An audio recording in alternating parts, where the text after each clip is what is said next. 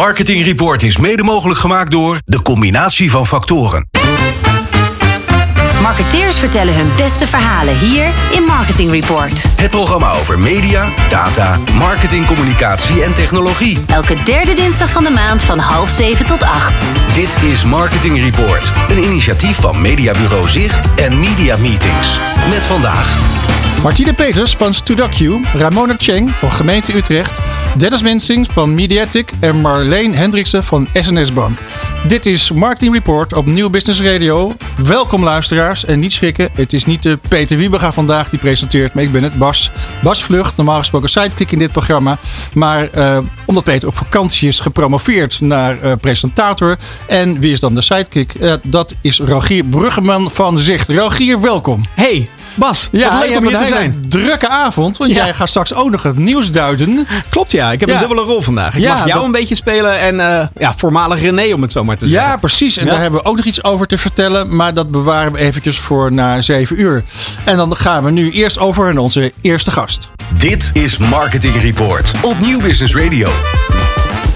Ja, en aan tafel hebben wij hier Martine Peters, Marketing en Communications Manager van Studacu. In Nederland ook wel bekend onder de naam studeersnel.nl.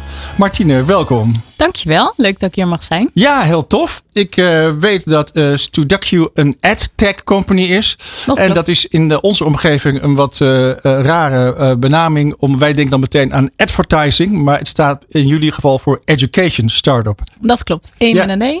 Zeker. Kun je studeersnel.nl introduceren? Zeker. Uh, Studeersnel is opgericht in 2010 in Delft. Uh, vandaar ook de Nederlandse naam. Um, in 2013 uh, zijn onze oprichters internationaal gegaan. En toen dachten ze, nou, dat Studeersnel, dat bekt niet zo lekker in het buitenland. En toen kwam uh, Studacje erbij. Maar ja, het klinkt ook wel heel hip hoor, vind ik. Studacje. Ja, Study En is het niet een wat, wat, wat, wat snel, die introductie, wel heel ambitieus? Ja, dat klopt. Uh, in 2010 dus begonnen. Zij waren toen zelf nog uh, student. Dus voor studenten, door studenten. Ah. En uh, het was eigenlijk een uh, side project naast een studie. Um, in eerste instantie bedacht om voor zichzelf en voor hun vrienden om wat makkelijker te studeren. Um, en ja, dat werd gewoon zo snel populair dat ze na een afstuderen dachten van kunnen we hier niet iets meer mee dan een projectje on the site. Het is echt wel een, geweldig verhaal. Bijna, bijna romantisch eh, hè, om te noemen. Hè, dat, je, dat je in plaats van niet uh, miljarden en, en allemaal logaritmes bij Google. En dan, uh, ja, weet je wel, dan douwen we ergens miljoenen in. Maar gewoon echt beginnen met gewoon helemaal, helemaal niks. Ja, dat Waren het wel technische studenten? Ja, zij studeerden aan de TU Delft. Ah, vandaar. Hey, wanneer ben jij bij de club gekomen? Uh, ik had gisteren mijn tweejarig jubileum. Gefeliciteerd. Oh. Dankjewel. Even snel doorrekenen hoor. Dus het was al behoorlijk, uh, behoorlijk aan, de, aan de gang. Ja, zeker. Ja, ja, dat is ook wel logisch eigenlijk dat de marketeer later aanhaakt. Want uh, de start-ups hebben natuurlijk altijd een dagje. Maar ja, ons product is zo ontzettend goed. Als het eenmaal af is, dan verkoopt het zichzelf. Ja. En tegen die tijd zijn ze verhierd natuurlijk. maar heel verstandig dat ze de marketeer in dienst genomen hebben. Wat, wat sprak je aan in dit bedrijf? Um, ja, het is gewoon een, echt een mooi concept. Um, zoals ik al zei, voor studenten, door studenten. Um, deze jongens hadden op, uh, toen zij student waren, dachten zij. voordat we tentamens hebben, zijn we elke keer zo lang bezig met de beste studiedocumenten verzamelen. Uh, terwijl we die tijd ook hadden kunnen gebruiken om gewoon zelf te studeren. Uh, dus begon eigenlijk uit hun eigen uh, noodzaak. Alleen zij hadden wel heel veel sociale contacten. Huisgenoten, studiematen, uh, ze hadden nog een bijbaantje, dus kenden heel veel mensen. En toen dachten ze, ja, als je die sociale contacten nou niet hebt, dan heb je helemaal niet die toegang tot al die mensen om die documenten te verzamelen. En toen zagen ze eigenlijk in dat er misschien wel een veel grotere behoefte was dan alleen die van hunzelf. En dat bleek zo te zijn. Dus dat, ja, gewoon leuk verhaal, maar ook uh, ja, een mooi initiatief. Um, en het bleek zo te zijn. Ze zijn uh, ontzettend hard gegroeid. We zijn nu um, uh, actief in 60 landen en hebben 25 miljoen gebruikers per maand. Wow. Dus ja, die groei trok me natuurlijk ook erg aan. En um, wat ik misschien toen ik, ik kende Studeer Snel uh, vanuit het oprichtingsverhaal. En wat ik er toen misschien niet achter had gezocht, is dat het zo'n techbedrijf is. Ja. Um, want je kunt, ja, je kunt je wel voorstellen hoeveel data hier, hierin Zeker. zit. En, ja, nou, van, van, van starters begint mijn hart altijd enorm hard te kloppen. Dus ik moet er wat vragen over stellen. Ik weet niet of, ik of jij bij jou helemaal precies bij de juiste bent. Maar um, uh, ten eerste, de, de, de internationalisering. Uh, dat betekent dus dat zij echt een vrij uniek idee hadden. Dat niet allerlei andere mensen ook op de wereld hetzelfde gemaakt al hadden. Dat, dus dat het... Klopt. We hebben wel wat uh, concurrenten. Um, ik weet niet, inmiddels zou ik misschien kunnen zeggen. Maar die maken we allemaal kapot natuurlijk. nou, ik moet zeggen, in Europa zijn we de grootste, dus ja. Oh, ja, tof. Maar we hebben bijvoorbeeld ook grote concurrenten in Amerika. Ja. ja. En, en is dat voor jullie nog een heel gaan jullie daar al of, of moet dat nog? Zeker, we zijn uh, actief in Amerika, groeien daar echt heel hard. Uh, maar het is een heel groot land, uh, dus we kunnen er ook nog heel hard groeien. Maar dat heeft zeker onze focus. Ja, maar je zit binnen 60 landen actief, maar dat wil niet, er zijn niet in 60 landen poppetjes achter. Nee. Dat is allemaal digital. Sterker nog, bijna iedereen zit bij ons in Amsterdam. Ah, oh, geweldig, geweldig. Ja. ja. Ik heb nog een andere vraag. Ik zie ook dat Rogier al op de popel om iets te vragen. Je komt, komt er zo in. Um, uh, als, als, als start-up, dan loop je natuurlijk het risico dat op een gegeven moment wordt je ontdekt door het kapitaal en investeerders. En voordat je het weet, gaan, gaan die aan de haal met je, met je bedrijf. zijn ja. de originele oprichters nog steeds in charge van het bedrijf? Ja. Echt wel bijzonder. Ja, we hebben ook zeker die grote investeringen opgehaald. Uh, vorig jaar nog uh, 50 miljoen dollar. Had ze flats. Um, maar uh, onze oprichters zitten nog steeds in het bedrijf en hebben nog steeds. ja. Ja, en met die hoge dollarkoers wordt het met terugwerkende kracht steeds meer, hè, die 50 miljoen dollar. ik weet niet of, of dat zo werkt. Kan nu gewoon 50 miljoen euro zijn. ja, uh, schitterend. Hey Martine, waar ik, uh, waar ik benieuwd naar ben, is uh, de studenten die uploaden de content en andere studenten die kunnen dat er weer afhalen. Maar wat is nou eigenlijk jullie businessmodel? Want het is heel mooi, je doet het voor de studenten, maar er moet toch ook ergens een business, er moet ook geld verdiend worden? Goeie vraag. Ja, dit was inderdaad de vraag die in 2013 opkwam. Um, en toen hebben onze oprichters het freemium model bedacht. Mm -hmm. um, wat inhoudt dat 80% van onze content uh, volledig gratis is en ook altijd zal blijven. En de top 20 uh, meest populaire documenten die zitten achter een freemium uh, middel. dat betekent dat studenten het alsnog gratis toegang kunnen krijgen tot deze documenten door zelf te uploaden. Maar ze kunnen ook een abonnement nemen voor een paar euro per maand. En dan hebben ze ook toegang tot alle content. Ja, ja, oké. Okay. Dus het is niet dat je per document wat je downloadt betaalt voor die uh, populairste, uh, maar echt gewoon een maandelijks uh, ja, vast bedrag. Een maandelijks abonnement, ja. Oké, okay, cool. En dan gaan we even rekenen. Hè? 4 euro per maand, zei je? Ligt eraan welk, welk abonnement je neemt. Maar okay. ongeveer, ja. Ja, 25 miljoen gebruikers. Ja, maar die vier. nemen niet allemaal, denk ik. Nee, maar ja, toch, is dat, niet. toch is dat een heel hoog bedrag. Hè?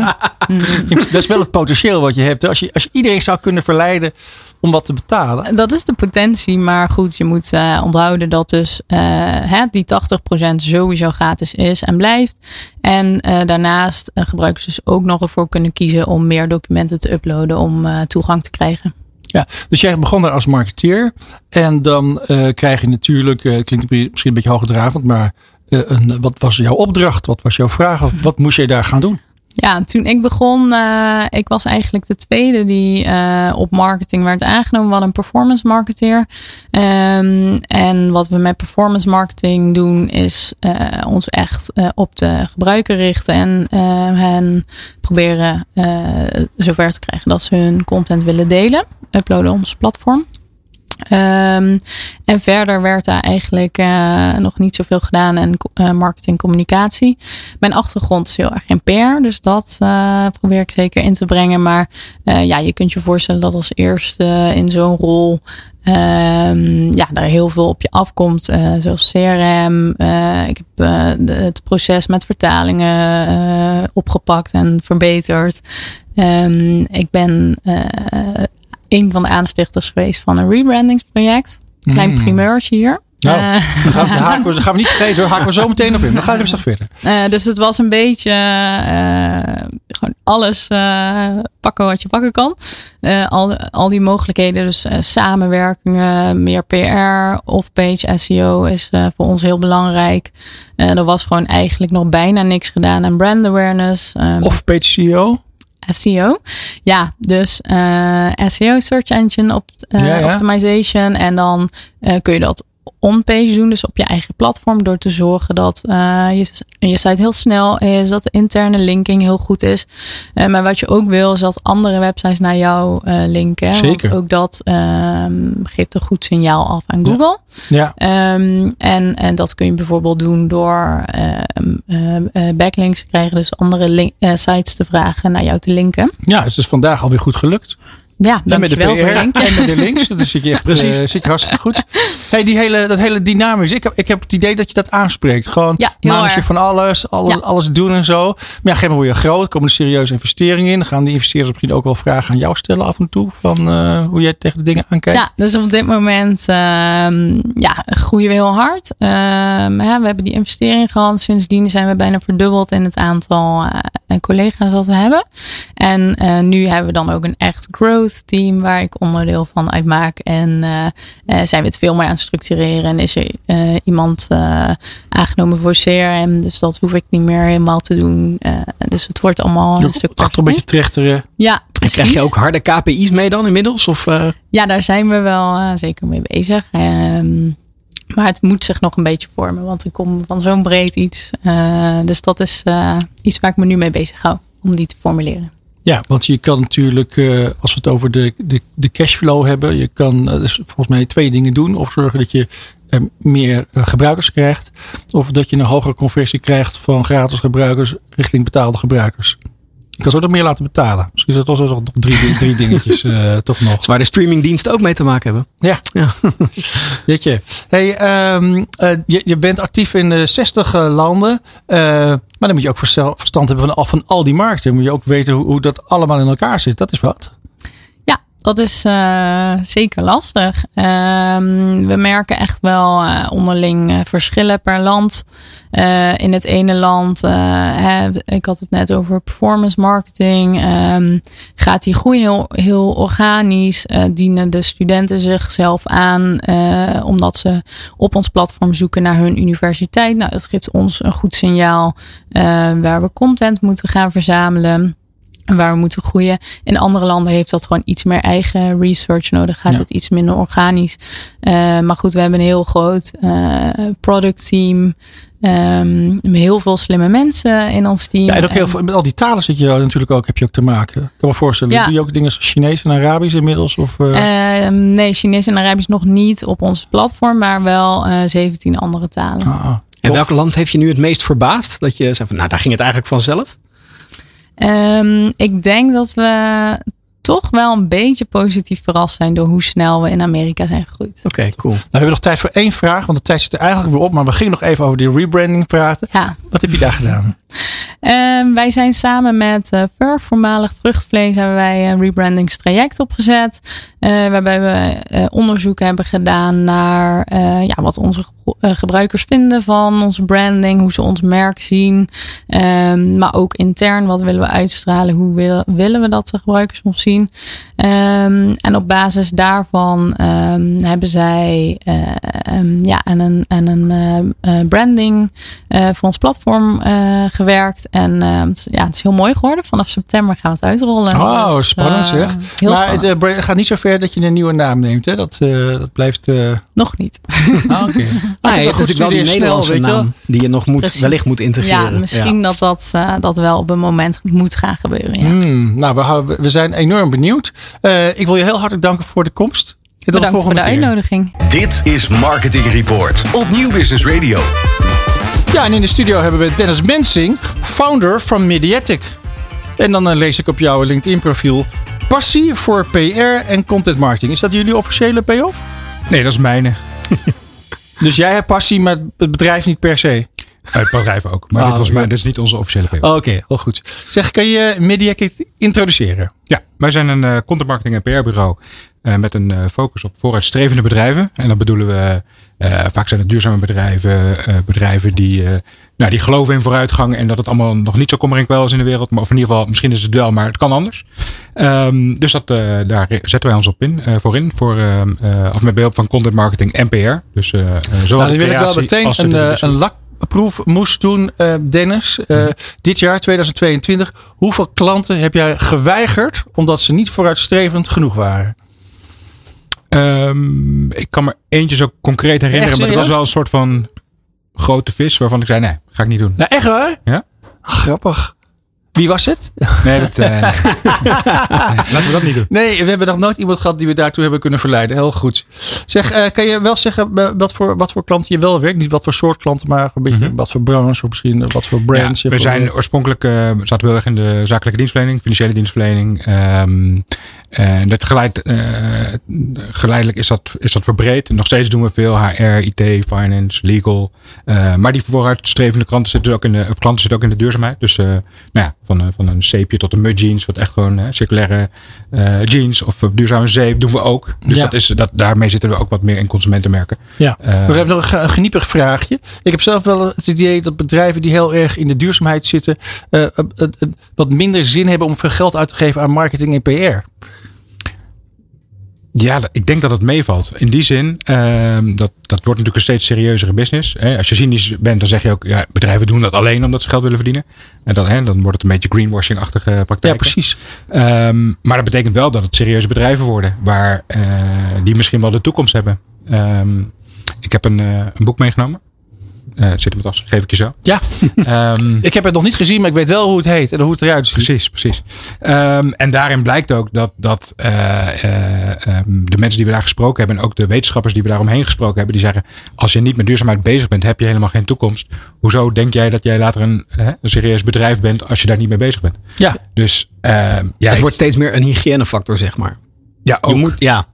Als je niet meer duurzaam bent, dan, houdt het een keer dan op. ga je eraan. zeg Ja, maar. dus, ja. dus je kunt niet meer zeggen van dat het eh, eh, geen serieuze bedrijven zijn die met duurzaamheid bezig zijn. Nee, klopt. Maar daarom wordt het misschien ook moeilijker om toch dat vooruitstrevende echt wel vast te houden. Omdat ja, eh, langzaam schuift iedereen op in die keten. Ja, dat is waar. Ja. Eh, en, en je hebt daar natuurlijk altijd de, de koplopers in. En de, de, de partijen die echt eventjes het anders doen.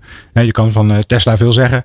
En misschien dat die, dat, die, dat die accu wel helemaal niet zo... Hè, eh, Nee, het hele maar. Ze Maar zijn en waren ze- toch wel echt Maar vooruitstrevend. ze lieten toch wel zien, hé, hey, misschien kan het anders. Ja, dat klopt. En dat, Absoluut. dat vind ik wel tof. En in dat boek, dat gaat natuurlijk over ondernemen. En ondernemers die dat vooruitstrevende in zich hebben. Kan je daar wat meer over vertellen? Ja, ehm, het is eigenlijk een, eh, was een vervolg op een boek dat we eerder maken, eh, maakten met, met eh, topondernemers. Hè, zoals je, nou, Pieter Zwart van Coolblue, Ja. of uh, Frits van Eert van Jumbo, Raymond Klooster- Kloosterman van Rituals, Ali Niknam van Bunk. Dat, zijn, er was een eerst een boek Lef wat we gemaakt hebben met 22 van dat soort mannen. Die hebben laten zien dat ze vanaf niks zeg maar, een heel mooi bedrijf hebben opgebouwd. Hoe hebben die dat dan gedaan? We probeerden daar lessen uit, uit te leren. Ehm, en tegelijkertijd dachten we, hé, maar dit is wel hè, soms een beetje plat. Maar Oké, geld verdienen zijn jullie heel goed in. en, en er zit echt geen kwade man tussen, zeg maar. Eh, maar er is wel meer dan dat. Er is wat hogers. Er, is Ja. wat, er moet wat meer zijn. Eh, dus toen hebben we eigenlijk van Lef hebben we lief gemaakt. Eh nietje ertussen. En daarmee ons gefocust op, eh, op eh, impactbedrijven. Ehm, eh, dat zijn eh, 29 interviews geworden met alleen maar dat soort partijen. Dus van Tony's en Dopper. eh, eh, Mr. Green. En de twee eh, partijen die ik net al noemde. Ja, ja. Eh, eh, Visie, hypotheekadviesketen. Ehm, eh, diverse van die partijen zijn ook klant bij ons. Eh, maar dat, dat, weet je, hebben we net even gaan we, word ik net nog iets enthousiaster van, zeg maar. Hoewel ze qua omvang vaak nu nog iets onder die, Kleiner zijn. onder die hele grote namen zitten. Ehm, Zie je toch wel een beetje- overeenkomsten? Oh, sorry Bas. Zie je nog Nou, wel dat is misschien een beetje een flauwe vraag, maar je zegt eh, eh, 22 mannen, geen vrouwen? nou, daar, daar, daar- daar zaten eh, geloof ik twee vrouwen tussen. Maar die hebben we wel een beetje moeten zoeken. En dat is niet dat wij geen vrouwen wilden. Maar als je gewoon kijkt naar de, naar de, de, de snelste groeiers zeg maar, van Nederland. Die we interessant vonden. Dan, dan waren dat nou eenmaal niet zoveel vrouwen. Nee, dat snap ik. Maar omdat je zei eh, eh, eh, vooruitstrevend en dan denk ik toch ook wel aan inclusief en divers meteen. Als, want zonder Ja. dat heb je ook geen toekomst. Nee.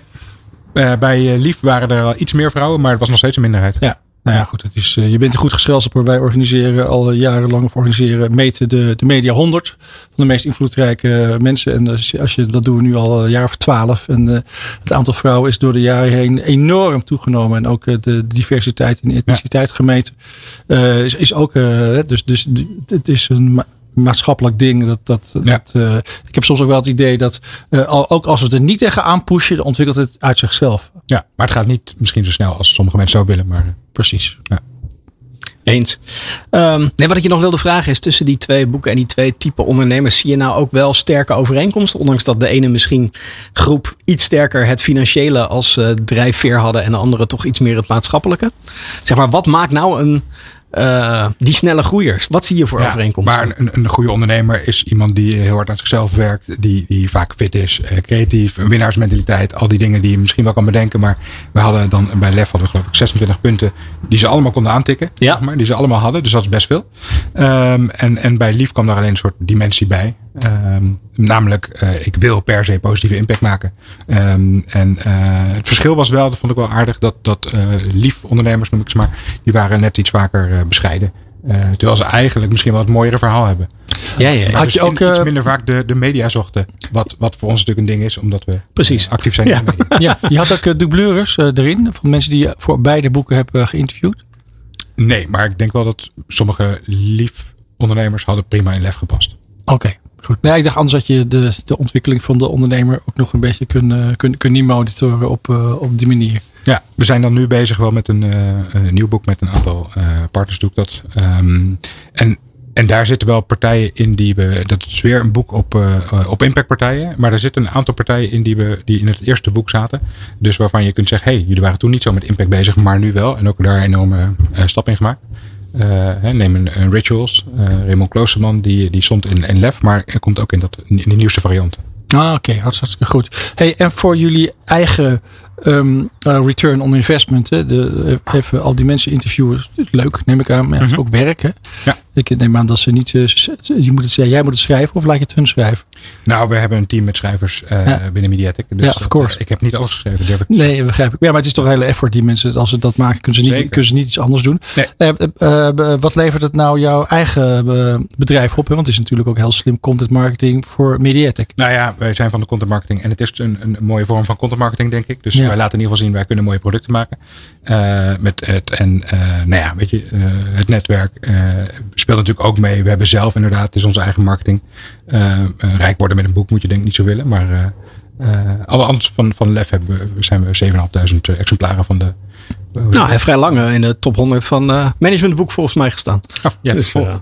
ja. ik vind 7.500 voor een, voor een B2B titel. Is best vind ik prima. veel. Ja hoor. Ik heb uh, in het verleden nog wel uh, wat gegeven op het uh, aantal romans mogen, mogen schrijven. Waren toch oplagers. Die, nou, daar ben ik nu wel benieuwd naar, Bas, maar dat doen we voor een andere nou, keer. Ik, ik, ben echt uitgever. Hè? Jij het in eigen beheer uitgegeven. -huh. Dus dan heb je alle uh, lusten en ook natuurlijk alle lasten natuurlijk. Ja. Maar je hoeft in ieder geval geen uh, eindredacteur in te huren. Die heb je natuurlijk gewoon in huis. Veel konden we zelf. Ja, ja. En het is ook gewoon heel tof om met z'n allen met het hele team zoiets te maken. Ja. En ja, ik had nog twee vragen over het boek voordat we verder over jouw bedrijf gaan praten. Uh, zijn er interviews die je hebt gedaan voor een van die twee boeken waarvan je dacht, ja maar dit vind ik zo steengoed dat, dat het jou daadwerkelijk heeft geïnspireerd om, om, om, om dingen in bij jouw bedrijf anders te doen? Um, het is de combinatie, denk ik. Is niet één verhaal van ik denk, hé, hey, had ik dat maar, zeg maar. Het is echt die combinatie van ik de een denk, oké, jij bent daar echt extreem goed in. En, en de ander was daar heel goed in. Uh, maar overal leer je natuurlijk zo ook wel een soort ondernemerslessen. En aangezien ik zelf ook ondernemer ben, was het ook leerzaam. Uh, maar puur voor het marketing en PR deel, waar, waar ik toch speciale interesse heb, uh, in heb als ik die mensen interview. Ja, dan, dan kijk je ook van, hey, hoe kunnen wij dat doen? Of bijvoorbeeld marketing doe je met je eigen mensen. Visueel bijvoorbeeld. Hè? In, een spotje, dan ga je geen, geen gedrukte personages neerzetten. Maar dan ga je gewoon, of geen stokfoto's. Je gebruikt gewoon foto's van je medewerkers op de website. En, uh, ik heb het altijd met de carclass, met die, uh, met die, dat denk ik van, dat, dat moeten wel echte, echte mensen zijn. Het is natuurlijk zo slecht uh, geperformed. Denk, mm -hmm. Of het zijn toch acteurs die net doen alsof ze eigen mensen zijn. Dus ik vind dat is dit toch een beetje altijd... Ja, ja, nou, ja, ik was vooral verbaasd dat dat exacte format gewoon over allerlei landen is uitgerold. Dus dan zie je dezelfde type persoon in een andere Carglass vestiging in, uh, laatst zag ik het zowel in Spanje als in Duitsland. Ja, omdat het natuurlijk een bepaalde soort mensen aantrekt Ja. die het leuk vinden Ja. om eh, ramen te repareren van auto's. Ja. Wat ik ook wel mooi vond trouwens, eh, eh, nog les daaruit, is dat heel vaak de, de oprichter zelf zich nog heel hard met de marketing bemoeit. Eigenlijk, ja, als, je, als je bedrijfsgroei in één woord zegt, dan is het ook marketing. hè. Volgens eh, de groeigoeroe Ja. eh, Vern Harnish, de, ik ken je ongetwijfeld. Ja. Die, die zegt eigenlijk, nou, als ik, als ik het echt, als je mij één minuut geeft, dan moet ik over marketing praten. Want dan, Ja, Nou, maar het is wel heb- grappig. Je hebt natuurlijk vroeger altijd al eh, Heineken natuurlijk. Hè, en ook alle, alle mystiek die daar om, om, het, zelfs commercials en slogans die, die, die Freddy die zelf dan verzonnen zou hebben. Ja. Al dan niet eh cult. Maar het Cool Blue heb je natuurlijk. Het is natuurlijk Pieter Zwart spreekt zijn eigen commercials in. Ja. Ja. Wij hadden hier vorige keer hadden wij ehm, ehm, van eh Green Soap, weet je nou? Marcel. Marcel's Green Soap. Ja. Nou ja, die, die, die, die zei, eh die Hallo, zelfs op in zijn eigen commercials. Ja. Gewoon, die doen alles zelf. Ja, en, fantastisch. ja. En wat, wat daar ook interessant voor was, is die, al het geld wat hij verdient, hij keert zichzelf een gewoon normaal salaris uit. En alles gaat terug in het bedrijf in marketing. Dus niet in producten of dingen, alles gaat daar. Vind ik wel interessant. Zo hoort het. Hey, ik heb nog gevraagd over content marketing. Eh, eh, content marketing is eh, hot en booming. Hè? En ook zeker ook in, de, in de tijd. Hè? We hebben toch een beetje het idee dat in de coronatijd. Dat het. eh, ja, je had misschien met de locaties en filmen wat dingetjes. Maar, maar in, in zijn algemeenheid heeft het content marketing geen kwaad gedaan. Mhm. Hoe is het bij jullie? Nou ja, hetzelfde verhaal. In die zin, we gaan lekker. Ehm, en ik denk, ja, ik moet eerlijk zeggen, er was ook niet een hele grote piek of dal of, of gekke dingen. We hebben in coronatijd natuurlijk even, zoals wel veel bedrijven, aan het begin nou, stond de hele wereld even stil. Maar dat duurde maar heel kort. En toen ehm, eh, ging het weer lopen. Eh, en ging het eigenlijk heel, heel goed lopen. Dus we hebben ja, veel nieuwe opdrachtgevers mogen verwelkomen. Met name in die eh, duurzame tak van sport. Dus waar Ja. we een paar jaar geleden eigenlijk maar voor een paar procent van onze omzet was in die tak van sport. En toen hebben we bedacht dat we dat eigenlijk het liefste willen. Eh, en dat is nu gewoon een groot deel van wat we doen. Dus dat, daar zie je wel dat we, nou ja, door alleen al de focus daarop te brengen, eh, op, te, op te leggen, eh, gaat het ook gebeuren. En vinden opdrachtgevers je ook. Ja, Ja. En, en je wordt daar ook goed in. En, Ja. en als het gaat om PR, dan weten we precies bij wie we moeten zijn. Eh, we, we kunnen nou, de lessen die we bijvoorbeeld uit het boek hebben geleerd, maar ook gewoon door in ervaring eh, in, de, in de praktijk, zeg maar, voor die klanten kunnen we weer gebruiken. En zo word je daar steeds sterker in. En dat betekent dat ook dat als jij bijvoorbeeld. eh krijg je ook wel, ontvang je klanten bij jou op kantoor. Ja, af en toe. Dus dan moet je ook allemaal eh, biologische, boervriendelijke koffie eh, en, en alles van riet en hout en de verwarming laag en, en Ja, dat is- eh, dat is- zonnepanelen op het dak, windmolens over- overal. Leuk dat je het zegt. Kijk, wij waren. Nee, is, is een serieuze vraag. Energie-wise is dat ingewikkeld als je in een bedrijfsverzamelpand zit. waarbij we ehm, nu ook, we gaan binnenkort verkassen. En dan kijken we wel even waar gaan we naartoe, zeg maar. Want we hebben niks te zeggen in ons huidige pand. Eh, dus dat zijn allemaal dingen waar je dan tegenaan loopt. Van oké, stel dat je, nou, er was van de week veel te doen over hè, B Corp certificaat. Maar daar hebben we veel naar gekeken van, als je dat wil worden, maar, waar moet je allemaal voor aan voldoen? Eh, nou, dan, eh, dan heb je wel wat te doen. Huisvesting is, eh, is al een van de dingen. In onze tak van sport, Ja. weet je, we hebben geen producten of zo. Het is Ja. alleen maar lucht natuurlijk. Dus eh, ja. Ja, Eens. nou goed. Hey Dennis, het zit er helaas alweer op. We gaan naar de klok van, eh van 7 uur. Ehm, ik wil je heel hartelijk danken voor dit fijne gesprek. Dank dat ik hier Graag tot de volgende keer. Dankjewel. Marketing Report. Zicht op media. Ja, en wij zijn weer terug met Zicht op Media. Eh, en eh, we hadden al een verrassing dat we vandaag een andere presentator hadden. Zeker. Eh, dat ben ik zelf. En we hebben nu ook iemand anders op het nieuws te duiden. Want wij hebben een eh, nieuwtje, Rogier, zeg ik, van eh, Zicht. Ja, nou ja, dat klopt ja. Eh, vorige maand al was mijn collega Christian van Dijk hier. eh, en eh, deze keer ben ik het. Wij zullen elkaar gaan afwisselen. Want ja, onze allerlieve René Zeedijk, ehm, die heeft zicht verlaten. Ja, Ja, maar goed, Ja. daar gaan we hem straks wel even over bellen. ja dat is leuk. Ja, dat lijkt me verstandig, ja. Dus ik mag vanaf nu afgewisseld met Christian ook het, ook het medianieuws gaan duiden. Ja, dat vind ik echt ontzettend leuk. Ik zou zeggen, duit een eind heen. Laten we beginnen met het eerste, eerste item. Ja, ik denk vandaag eh, toch, het is een beetje komkommertijd in de zomer, maar anderzijds gebeurt er nog wel weer genoeg hoor. Dus eh, drie onderwerpen. Eh, ik wil het zo meteen even met je hebben over de start van het nieuwe tv-seizoen. Komt er natuurlijk Ja. weer aan. Leuk. Ehm, ook komt er weer een nieuwe streamingdienst naar Nederland komende maand. Mocht je toch geen live tv willen kijken, heb je nog meer opties op dat vlak. Maar ja, laten we toch even beginnen met de status van de landelijke FM radiofrequenties. We zijn hier immers radio aan het maken met. Jazeker. En ja, je zou zeggen tegenwoordig iedereen luistert digitaal of online of via DAB+. Maar nog steeds meer dan 50% van alle luistertijd gaat via de FM. En die vergunningen lopen dus 1 september af. Het zijn al oude vergunningen uit 2003. Die zijn toen uh, geveild, een aantal keren verlengd. Um, maar nu is eigenlijk het moment dat ze weer geveild zouden moeten worden. Uh, en dat geeft ook kans aan nieuwe toetreders. Uh, partijen die natuurlijk nog geen frequentie hadden en die dat willen. Um, Ik wil er meteen eens over vragen. Ja, dat mag. Het is Ga gelijk je gang. 16 augustus.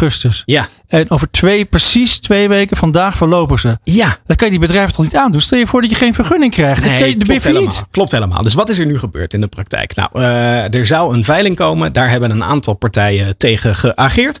Uh, uh, toen zou er een verlenging komen voor drie jaar. Ehm, dus uh, Onder meer vanwege het feit dat in coronatijd er minder inkomsten waren.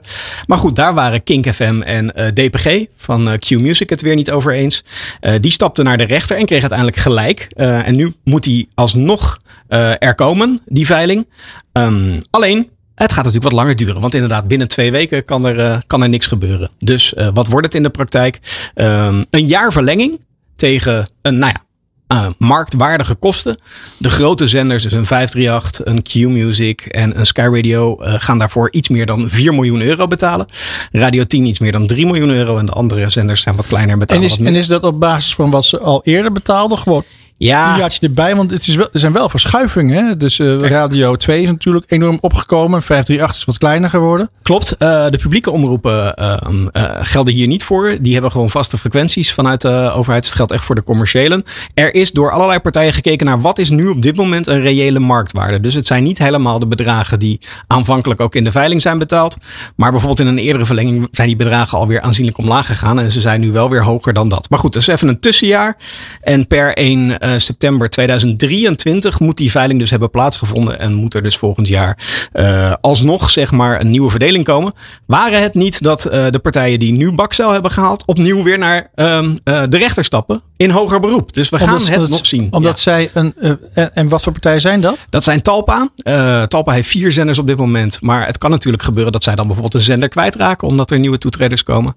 En de wat kleinere partijen die een zogeheten geclausuleerd kavel hebben. Dat betekent dat er voorwaarden zitten aan de kavel. Bijvoorbeeld er is één kavel gereserveerd voor nieuws. Dus die is voor BNR in dit geval. Ja, daar heb je natuurlijk best wel kans als die clausuleringen anders worden. Dat zij ook een frequentie verliezen. En als je maar één frequentie hebt, ja, dan wordt het best wel lastig uh, om dingen voor elkaar te krijgen. Ja, maar waarom zou Talpa bezwaar mee maken tegen het feit dat de status quo nog een jaartje wordt verlengd? Nee, uh, zij, uh, daar hebben ze zijn nu geen problemen mee. maar wel dus uiteindelijk tegen dat het alsnog geveild gaat worden. Dus ze gaan proberen dat tegen te houden. Ze wisten toch dat er een veiling dus, kwam? Ja, maar ja, daarna was het weer een verlenging op ja, basis van de coronacrisis. Nog fijner. En nu ehm, wordt het toch weer uiteindelijk een veiling. Dus, ja. hey, en over dit nieuws, dat vind ik wel leuk. Ik weet, als ik me goed kan herinneren, betaalt BNR bijna niks voor hun. Uh, Relatief beperkt, maar het is natuurlijk ook een veel moeilijker businessmodel om commercieel daar adverteerders op te krijgen. Ja, maar als je, de, als je naar BNR luistert, dan zou je zeggen dat het wel aardig lukt als het gaat om de volumes. Jawel, maar het blijven natuurlijk. Uh, kleine luisterdichtheden. Uh, en daarmee ook uh, commercieel gezien. Ja, er zitten best wel de nodige commercials op. Maar daar betaal je natuurlijk een stuk minder voor dan ja. als je een spotje in de ochtend op Q-Music bij Mattia Marieke hebt bijvoorbeeld. Dat begrijp ik. Dus, denk jij dat bijvoorbeeld DPG of Mediahuis bijvoorbeeld, die ook heel, heel ja. op, op podcast gaat inzetten ook, die interesse zouden hebben in een nieuws Nieuws weet ik niet, als ik heel eerlijk ben. Want dat is gewoon lastig te exploiteren als je niet al een hele goede, grote redactie hebt zitten. DPG zou natuurlijk op zich kunnen, want die heeft de nieuwsredactie zitten. Uh, uh, maar ik denk eerder als DPG ergens voor zou gaan, dat ze liever voor een kavel gaan wat uh, geen clausule heeft. En daar een tweede commerciële zender ja, op zetten. Na Q-Music, gewoon ja. R-Music. Ja, nou ja, ze hebben bijvoorbeeld in België Joe. Joe hebben ze nu wel een eerste DAB-frequentie in Nederland ook opgekregen, maar is nu nog non-stop. maar het, in België is dat een vrij grote zender geworden. Dus het zou, zou goed kunnen dat, uh, uh, dat dat eraan komt. Dus, uh, ja, nou dan gaan we naar het volgende nieuws. Zeker, als we het dan toch over nieuwe toetreders hebben. Um, ook de streamingdiensten ja, worden ons om de oren gegooid. Eerder dit jaar hadden we natuurlijk al via Play naar Nederland. Um, ja, daar ben ik wel abonnee op. Ja, nou, dat kan. Als je de Formule 1 wil kijken. Ja, Verder vind ik het content-wise nog niet heel veel. Nou, maar- maar- Ja? nee, nou, dat moet je niet zeggen hoor. Nou, ze hebben ik dus de ook hele Premier League hebben ze. Ja, dat is wel waar. Dat is wel waar. Dus, eh, eh, maar goed, er komt weer een nieuwe partij aan. Sky Showtime. En dat is een eh, samenwerking tussen Paramount en Comcast. Het is een Amerikaanse dienst met zowel films, series, in Amerika ook een deel sport, als ook live televisie. Zo kun je onder meer naar Nickelodeon, Comedy Central, MTV kijken en films uit de stal van zowel Paramount als Universal. Dus ja, denk aan eh, Top Gun, die nu in de bioscoop draait, of Star Trek of Indiana Jones. Ehm, zijn nog geen prijzen bekend. De verwachting is wel dat ze eh, nou ja, op het prijsmodel ongeveer van Netflix zullen gaan zitten. Dus tussen de 10 en 15 euro. Ehm, maar ja, goed, het is wel voor die consument weer een extra keuze erbij. En je ziet toch wel steeds vaker dat mensen een beetje hop on, hop off. Ik neem een maandje dit, twee maandjes dit. eh, dan weer zet ik het weer uit, neem ik weer een andere. Want ja, het wordt nogal een dure grap als je alle streamingdiensten af wil nemen tegelijk. Ja, als je Dus, zo hoort, dan zit er bij Netflix een beetje, een beetje zand in de radar. Met, Echt, eh, met, een beetje. met dalende abonneeën. En Ja. ze- zij moeten, hebben natuurlijk het nadeel dat ze geen eigen catalogers hebben. Dat hebben natuurlijk andere partijen natuurlijk wel. Nou, Netflix heeft, ook, heeft inmiddels ook aardig wat originals zelf gemaakt hoor. Nee, dat- dus, ja, eh, maar- maar niet vanuit eh, de jaren Kijk, 80, Disney, 90. Disney die heeft en- natuurlijk gewoon eindeloos Klopt. veel bioscoopfilms. Die, daar zijn ze tot in de eeuwigheid mee bezig. Als ze dat allemaal überhaupt... eh, Ja, maar toch als je het totale aanbod, eh, eh, denk ik, bekijkt op Disney Plus, is dat toch aanzienlijk minder qua hoeveelheid kijktijd dan als je het vergelijkt met een Netflix of zelfs een HBO Plus. En over Disney gesproken. Disney die gaat nu eigenlijk een nieuwe versie lanceren met advertenties. Dus ja, dat is voor ons als mediabureau wel weer interessant. Want dat Ja. betekent dat adverteerders daar eh, ook zichtbaar kunnen zijn. Alleen als consument word je er niet heel veel goedkoper van, want dat gaan ze doen voor de huidige abonnementsprijs. En als je dan toch uiteindelijk een versie wil zonder advertenties, ga je gewoon meer betalen. ja, slim en Ja. onsympathiek, allebei. Een beetje wel, ja. Daar heb je gelijk in. Ja, hey, maar was het niet zo dat de Videoland er ook al heel lang mee flirt met die gedachte? Eh, jawel, maar Videoland heeft dat al. Die heeft al een, eh, een model met advertenties. Eh, maar die is ook echt wel relatief wat lager geprijsd. Uit mijn hoofd 4,99. En Disney zit nu op 8,99. En wordt dus straks in een versie zonder reclame duurder. En die versie met reclame blijft dan op 8,99 zitten. Dus, Toen vroeger Peter de Munnik nog de baas was bij SBS. ja, daar heb ik wel, vaak gesprekken met hem gehad, ook over streamingdiensten. En hij zei toen, eh, Bas, heel erg simpel, als je naar Nederland kijkt en je gaat het uitrekenen, iedereen, dat is vol- volstrekt onmogelijk wat Videoland doet. De enige reden dat ze dat kunnen doen, is dat ze een pilot zijn voor Duitsland. Klopt, en daar zouden ze dan misschien geld kunnen verdienen in, in dat grote geheel. Ja, en ik denk toch wel dat. ehm, ik snap die gedachte van Talpa. Daarom heeft Talpa daar ook niet verder in ge- geïnvesteerd. Ehm, maar toch is eh, Videoland wel lokaal echt de nummer twee. By far. eh, nog steeds meer dan de, dan de andere diensten. Dus ik denk dat het helemaal niet zo'n slechte keuze uiteindelijk is hoor. Dus, Ja. eh, maar goed, er zijn ook nog steeds heel veel mensen die toch live televisie kijken. Hoewel deze zomer zou je het niet zeggen qua kijkcijfers. En ook dat nieuwe seizoen gaat eigenlijk wel weer van start. Gisteren al een klein beetje met eh, de strijd om de voetbalpraatprogramma's. Ja, ik heb het gezien. Hij is weer losgebarsten. Sinds eh, vorige week is op RTL 7 weer eh, een VTBL uit de kast getrokken. Ja. Op Ziggo Sport is eh, Rondo weer teruggekeerd. En op Veronica is gisteren Veronica Offside gestart. Eh, Ja. Met Wilfred Gené. Maar ja, zonder Johan Derksen en René van der Gijp. Die zitten natuurlijk op SBS 6 een uurtje later. Nou, ik heb het, ge- dat heb ik gisteren ook gezien, die eerste Ehm. Ja. uitzending. Ik was eh, heel positief verrast. Ja? Ja, ik vond het echt heel leuk.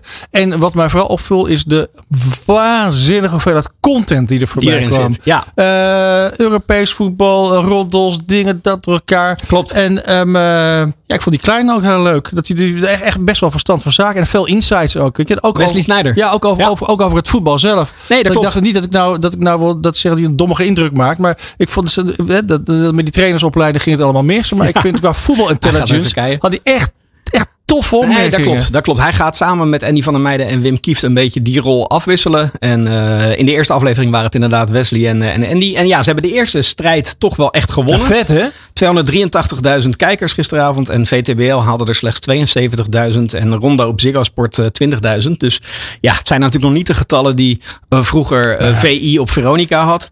Maar goed, alles bij elkaar eh, is denk ik geen slechte start voor Maar het ze. was met RTL toch een enorme gok die ze namen. Dat ze, eerst hadden ze natuurlijk met Umberto Tan. Ja. Nou, dat, dat ging al niet goed. Nee, Umberto Tan is natuurlijk van, gewoon wel heel goed. Dus ja, ga je dat vervangen voor een andere present? Ja, weet je wel. Dat, en dan met die Boskamp. Het was, ik, Ja. ik, ik, Het is lastig. En zeker als mensen al een bepaald kijkpatroon hebben, dan eh, pakken ze daar toch weer op, eh, op terug. Nou, voetbal is natuurlijk niet het enige. Ehm, het nieuwe seizoen komt er weer aan. Op NPO 1 vind je weer vertrouwde toppers als, als beste zangers en Flikker Rotterdam. Eh, op RTL 4 eh, starten de komende weken onder meer nieuwe seizoenen van Expeditie Robinson en Lego Masters. En SBS 6 komt logischerwijs weer met Ik hou van Holland. Zonder Linda dit keer, maar met Rob Kemps van ja, dat kan nog wel eens heel leuk worden. ja. En Chateau Meiland. En dan zou je zeggen, is de creativiteit dan ook op? Eh, is er echt niks nieuws? Nou, jawel. SBS 6 start in de vooravond met, zoals zij zeggen, de langste gameshow ooit. Een jaar van je leven waarin je 1 miljoen euro kunt verdienen. Maar goed, dan moet je wel allerlei afvalrondes doorkomen. En eh, RTL 4 heeft eh, onder meer het nieuwe programma Fout maar Goud. Op, op 1 september start dat op een donderdag. Gepresenteerd door Chantal Jansen. En deze nieuwe spelshow staat volledig in het teken van, van Guilty Pleasures. En ik denk toch, ja, bij Guilty Pleasures is de stap naar René heel erg klein. Dus Ah, goed bruggetje. ja, ja, ja. goed. René, ik mis je nou al na twee dagen. Ja, heel goed, heel goed. Leuk Nee. om even te luisteren naar jullie. Ja, Ja. welkom in de uitzending, René. Is het nou niet een beetje gek dat je nu gewoon thuis zit eh, dit te beluisteren in plaats van hier in de studio? Ja, dat is heel gek, ja. Want ik weet hoe leuk zo'n avond is. En hoe we eerst even gezellig de gasten een idee hebben, eh, even voorpraten en daarna de uitzending maken. Dat wist ik wel, ja, dat klopt. Maar goed, zometeen eh, tomatensoep en focaccia brood wordt het dan, hè. Dat anders. Hey René, omdat er toch iemand het moet doen, zal ik maar meteen doen. Hè? Jij bent natuurlijk toch gewoon, hoe we het draaien of keren, de geestelijke vader van deze radioshow.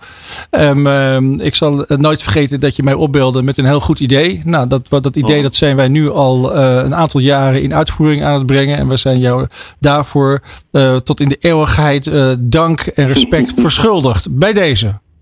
nou, dankjewel Bas, wat een mooie woorden. Ja, ik heb, eh, ik heb net nog even gekeken. Dit is de 43e uitzending. Oh, we waren er straks aan het gissen. Dus, eh, Maar ik heb er eh, 40 mogen meemaken volgens mij. Dus, eh, en ook heel mooi eh, richting Lars. Want Lars hoor je niet zo vaak. Maar Lars Fontanus is de, de eh, mede-eigenaar van New Business Radio. Dat hij er ook in geloofde. En samen met jou. eh, en eh, nou, ooit vanuit mijn eigen bedrijf Media Science. Natuurlijk later vanuit Zicht. eh, zijn we het mooie avontuur aangegaan. In eh, begin 2019 alweer. Ja. Ja. Ja, Ja, nee, het is wel heel erg mooi. We zijn eigenlijk bijna een soort van parallel opgetrokken met eh, de Marketing 100. En als je nou naar Ja. die lijst kijkt, zoals die nu vandaag op onze website staat, of ook op marketing100.nl. En je ziet eh, hoeveel van die mensen die in die lijst staan hier in onze radioprogramma zijn geweest. Ja. Dat is echt niet normaal. Dan zit je echt wel bijna op de helft of zo. Het is echt heel erg tof. en die andere helft komt gewoon de komende jaren nog. Ja, zeker Nee. weten. En anders gooi je ze uit de lijst. Hey René, je gaat een ons, grapje, eh, ons allergeliefde zicht eh, en dit programma verlaten. Maar eh, je gaat de Ja. stap maken naar DPG. Wat ga je daar doen? Ja, nou, eh, dat klopt. Ik blijf vlakbij zicht, 300 meter verderop. Eh, ik word adjunct eh, directeur Digital Sales en Specialisten. Eh, eh, nou, Digital Sales, ja, de naam zegt het al. Hè, de, de, de, de, de sales op het digitale vlak voor, voor DPG eh, zijn een aantal afdelingen. En specialisten, dat zijn echt meer de adviseurs die eh, de, de landelijke accountmanagers eh ondersteunen op eh, nou, digitale producten zoals data of andere ontwikkelingen. maar ook op titelniveau, bijvoorbeeld de VT Wonen of Ouders van Nu. Of op een bepaald domein. bijvoorbeeld het tech-domein heb je of het home deco domein zoals VT Wonen. En ehm, nou, een grote afdeling en daar word ik onderdeel van. Ehm, nou, allereerst natuurlijk is het wel echt tijd om heel DPG eh, goed te leren kennen. Het is een groot Nou, bedrijf. ja, ik wou het zeggen. En, ben je even eh, bezig? En ga ik me eerst focussen op eh, het SIM, zoals het mooi heet, Special Interest Media. Daar zitten zo'n de specialisten op het nou, tech-vlak, retail-vlak. En daar ga ik eerst mee bezighouden. En daarna andere projecten. Mooi. Nou ja, we hebben vrijdag al je Ja, toch? afscheidsborrel gehad. Dus ik zal de roast die ik toen deed niet opnieuw doen. Maar ik ga je toch stiekem wel missen, René. Nee, ik denk eh, inderdaad mede namens Bas en Peter en eh, mij dan vanuit Zicht. eh, Ja. eh, dank voor alle jaren. Eh, dank voor inderdaad dat Media Science onderdeel werd van Zicht. En ja, eh, de traditie met eh, dit mooie programma wat, wat jij samen met Bas en Peter en, eh, en Lars van Nieuw Business Radio hebt opgezet, gaan we vanuit. Zicht gewoon doorpakken. Ja. Hey, en René, we even een afspraak maken. Zo gauw je je eerste 100 miljoen euro aan sales hebt gedaan, kom je weer in de uitzending. Ja? Ja, Oké, spreken we af.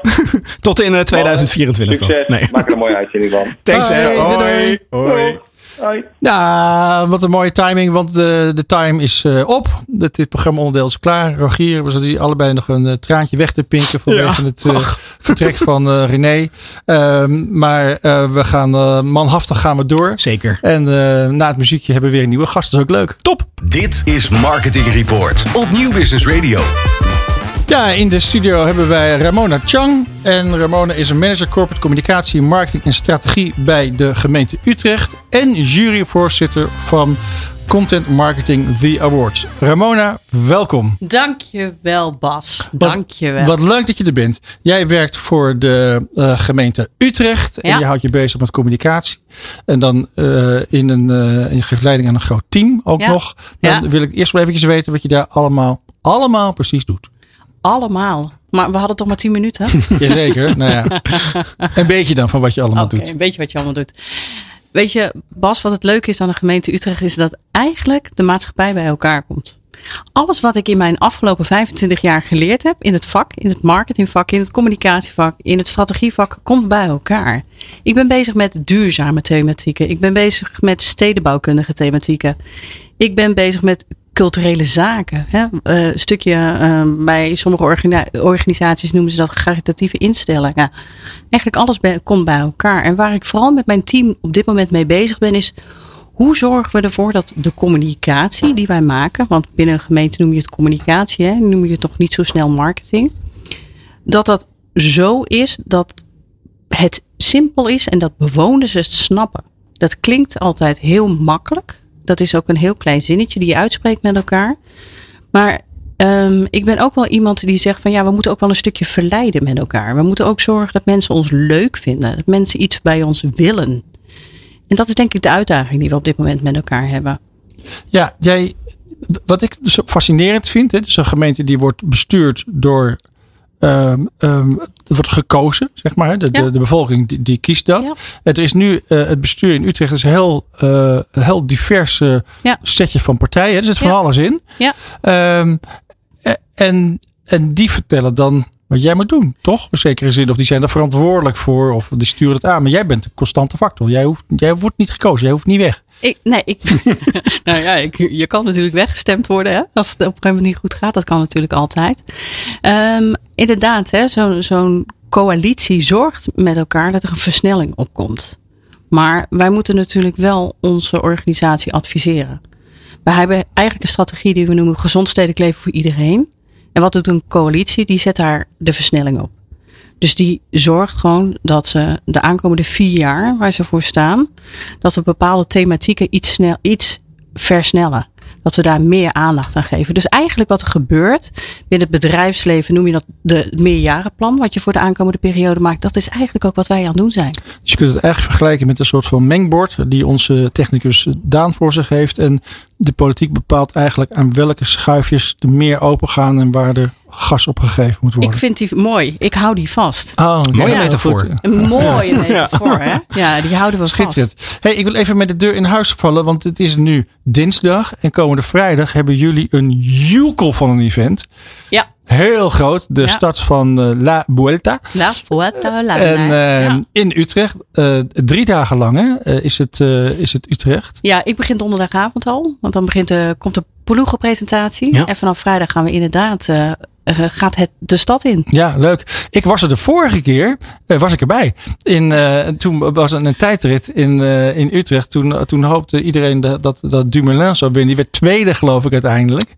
Eh, en eh, dat kan ik me nog heel goed herinneren. Maar heel leuk, heel leuk was dat. En een enorme, ja, enorme toeloop van, eh, van, van, van, van mensen. Ja, dus Want- mijn werk is gewoon een feestje. hè? ja, En Ja. wat betekent zo'n evenement voor jullie dan, zeg maar, als, eh, als afdeling en communicatie? Welke factoren heb je allemaal mee te dealen richting je inwoners? Ja, wat, wat gewoon heel belangrijk is, je, je hebt een stukje eh, zeg maar openbare orde en veiligheid. Dus Ja. we moeten ervoor zorgen dat het voor iedere bewoner van de gemeente Utrecht gewoon veilig is. Ja, Dat ze precies weten eh, waar ze wel op een bepaald tijdstip kunnen komen en waar niet. Eh, dus veiligheid voorop.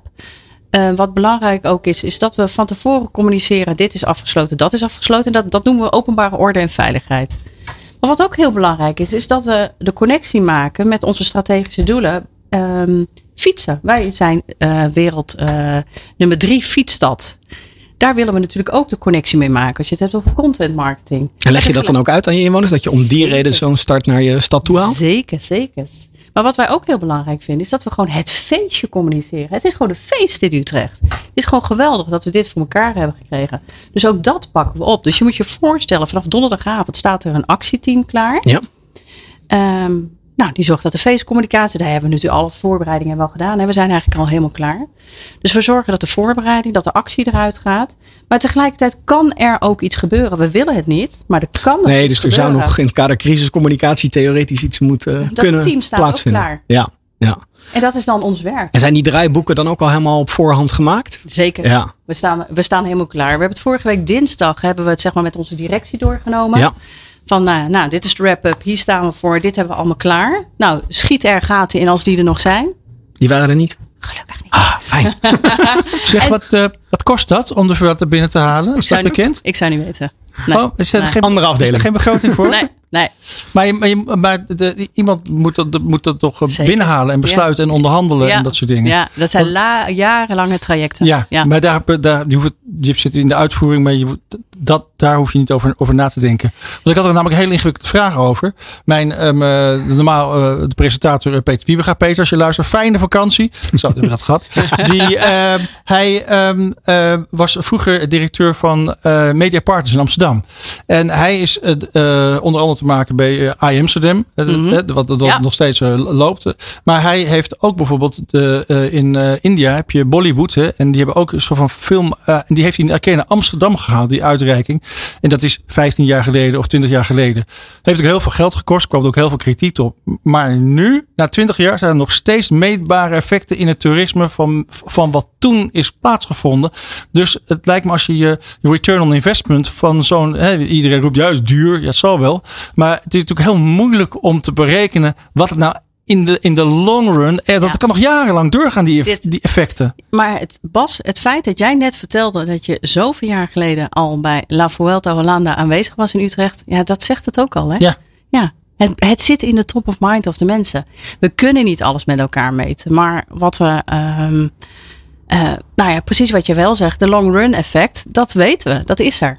Ja. Nou hebben we niet vier jaar geleden eh, of eh, toen gemeten. Wat zijn op dat moment de bezoekersaantallen en waar gaan we nu naartoe? Ehm, maar we zijn wel veel meer bezig met dat stukje meten.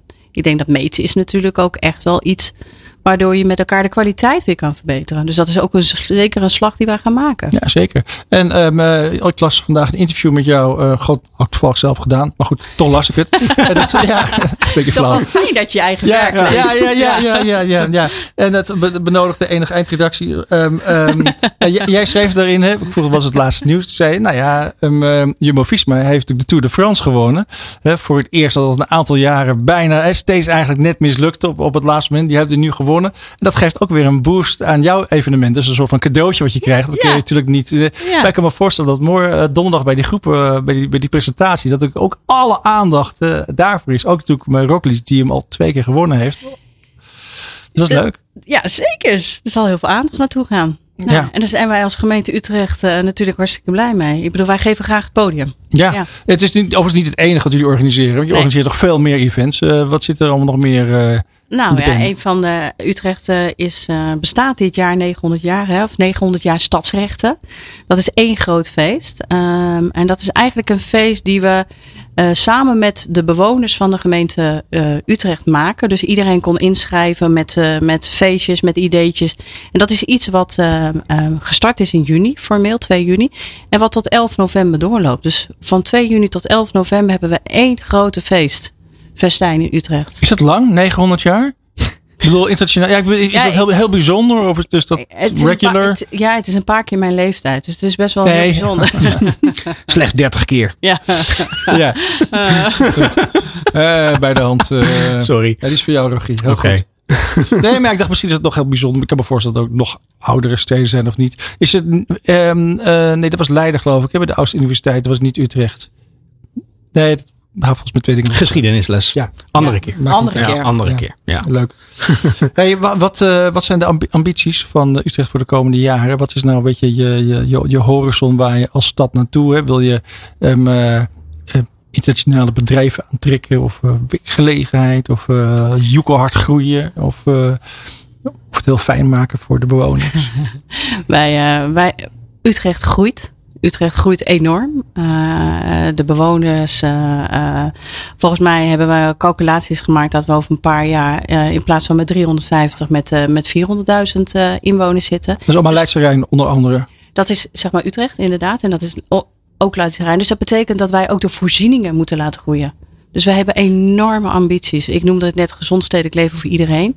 Dus dat betekent aan de ene kant dat we duurzaam willen zijn. Maar we moeten zorgen voor huisvesting. We moeten zorgen voor infrastructuur. En de uitdagingen zijn echt enorm. Ja, Enorm leuk. ja zeker. Heb je dan ook nog unieke problematieken die in Utrecht spelen, die wat minder in de andere grote steden spelen? Mm, nou, mm, ik denk wat Utrecht is wel eh, een ehm, niet van oudsher een hele grote stad. Hè? Den Mhm. Haag staat er al als stad. Amsterdam staat er al als stad. Eh, wat je wel merkt is dat Utrecht is een stad. Maar misschien vinden nog niet alle inwoners van Utrecht het een grote stad. Hebben ze zoiets van, nou, houd een beetje dorps, houd een beetje Ja, ja, klein. ja. ja. Maar ja, we groeien wel met z'n allen. En dat is niet omdat wij ehm, mensen van buiten naar binnen halen, maar ook omdat we met z'n allen gaan groeien. De gezinnen worden ook groter. De behoeften worden ook groter. Dus toch een beetje de meest dorpse grote stad van Nederland. Ja. ja misschien wel. Ja. Ja, nou nu gaan we een eh, enorme eh, turn maken naar een heel ander onderwerp. Want jij bent namelijk ook juryvoorzitter van Content Marketing The Awards. Wow. Daar zit een hele lang eh, verhaal achter. Het is een, een award met een hele lange geschiedenis. In de afgelopen twee jaren niet ehm, ehm, eh, uitgereikt in, in de tijd van corona. Nu onder een andere naam eh, weer eh, van, van start te gaan. Jij hebt ook al eerder met de jury te maken gehad. Ja. En nu ben je voorzitter van deze Ah, wat jury. een eer, hè? Ja, vind je het een eer? Nou, ik vind het gewoon leuk. Ja, dat is ja. echt wel tof. Ja, het is gewoon heel tof. Ja, maar je begrijpt wel dat je als juryvoorzitter moet je natuurlijk het proces leiden. Je kun je niet de hele tijd bemoeien met de uitslag. Hè, want dat zijn natuurlijk de juryleden. Die Ja, daar, dat is, eh, precies. Dus daar moet ik wel wat leren. maar wat, wat natuurlijk wel gaaf is en blijft, ik zie alles voorbij komen. ja, En dat is denk ik wat ik het meest gave vind. ja, Al die cases, al die inspiratie, al dat eh, andere manier kijken naar content, een andere manier je, je klanten verleiden. Ja, dat is gaaf. ja. Die inspiratie.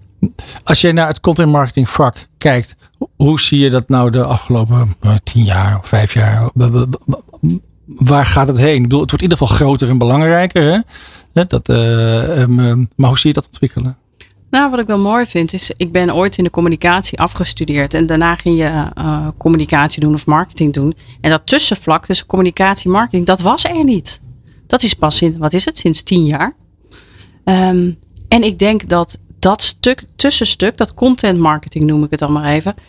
Ja, dat het op een gegeven moment echt een paar traditionele marketing- en communicatieconcepten misschien eh, overboord gooit. Hey, en ehm, toch even pragmatisch. Eh, wanneer zijn de awards eigenlijk? En kunnen partijen zich nog inschrijven? De awards zijn eh 1 november, Ja. de uitreiking. En de inschrijving, ja, dan moet ik jullie toch...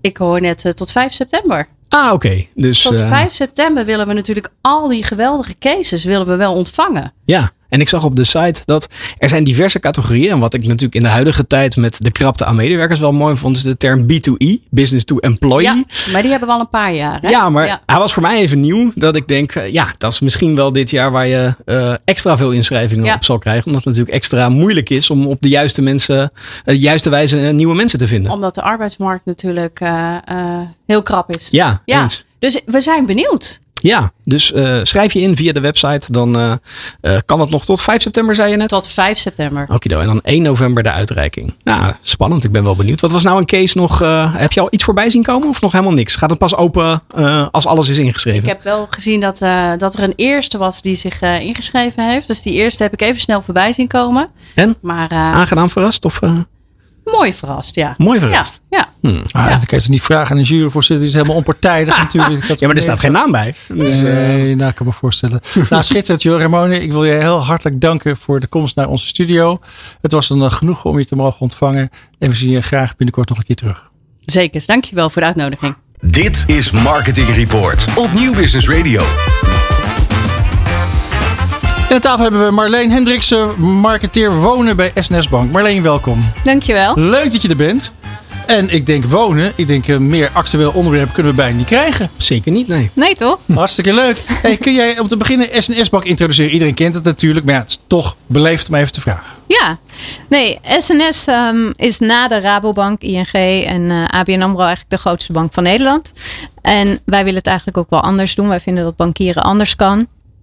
Ehm, en dat uh, doen we eigenlijk door uh, ja, persoonlijke aandacht te geven. Hè. Wij openen ook nog steeds winkels. Um, oh, serieus? Ja, zeker. Oh, dat verrast mij al meteen. Ja, ja, dat uh, zeker. Bij mij in het dorp is de enige bank die juist iets geopend heeft. En de rest is allemaal weg. Dus ik maar kan het beamen. Uh, Meidrecht. Dus ja, ach ja, Oh. tegen Meidrecht aan in Wilnis. Maar goed, in Meidrecht is dit het geval. Leuk. Nee, we willen echt door, ja, door persoonlijke aandacht uh, ja, elk mens laten groeien. Ja, en, nou, ik wil er toch meteen even op ingaan. Want die andere banken die sluiten natuurlijk allemaal uh, omdat ze er heel veel geld mee kunnen verdienen. Maar jullie investeren dan wezenlijk in mensen en in bakstenen.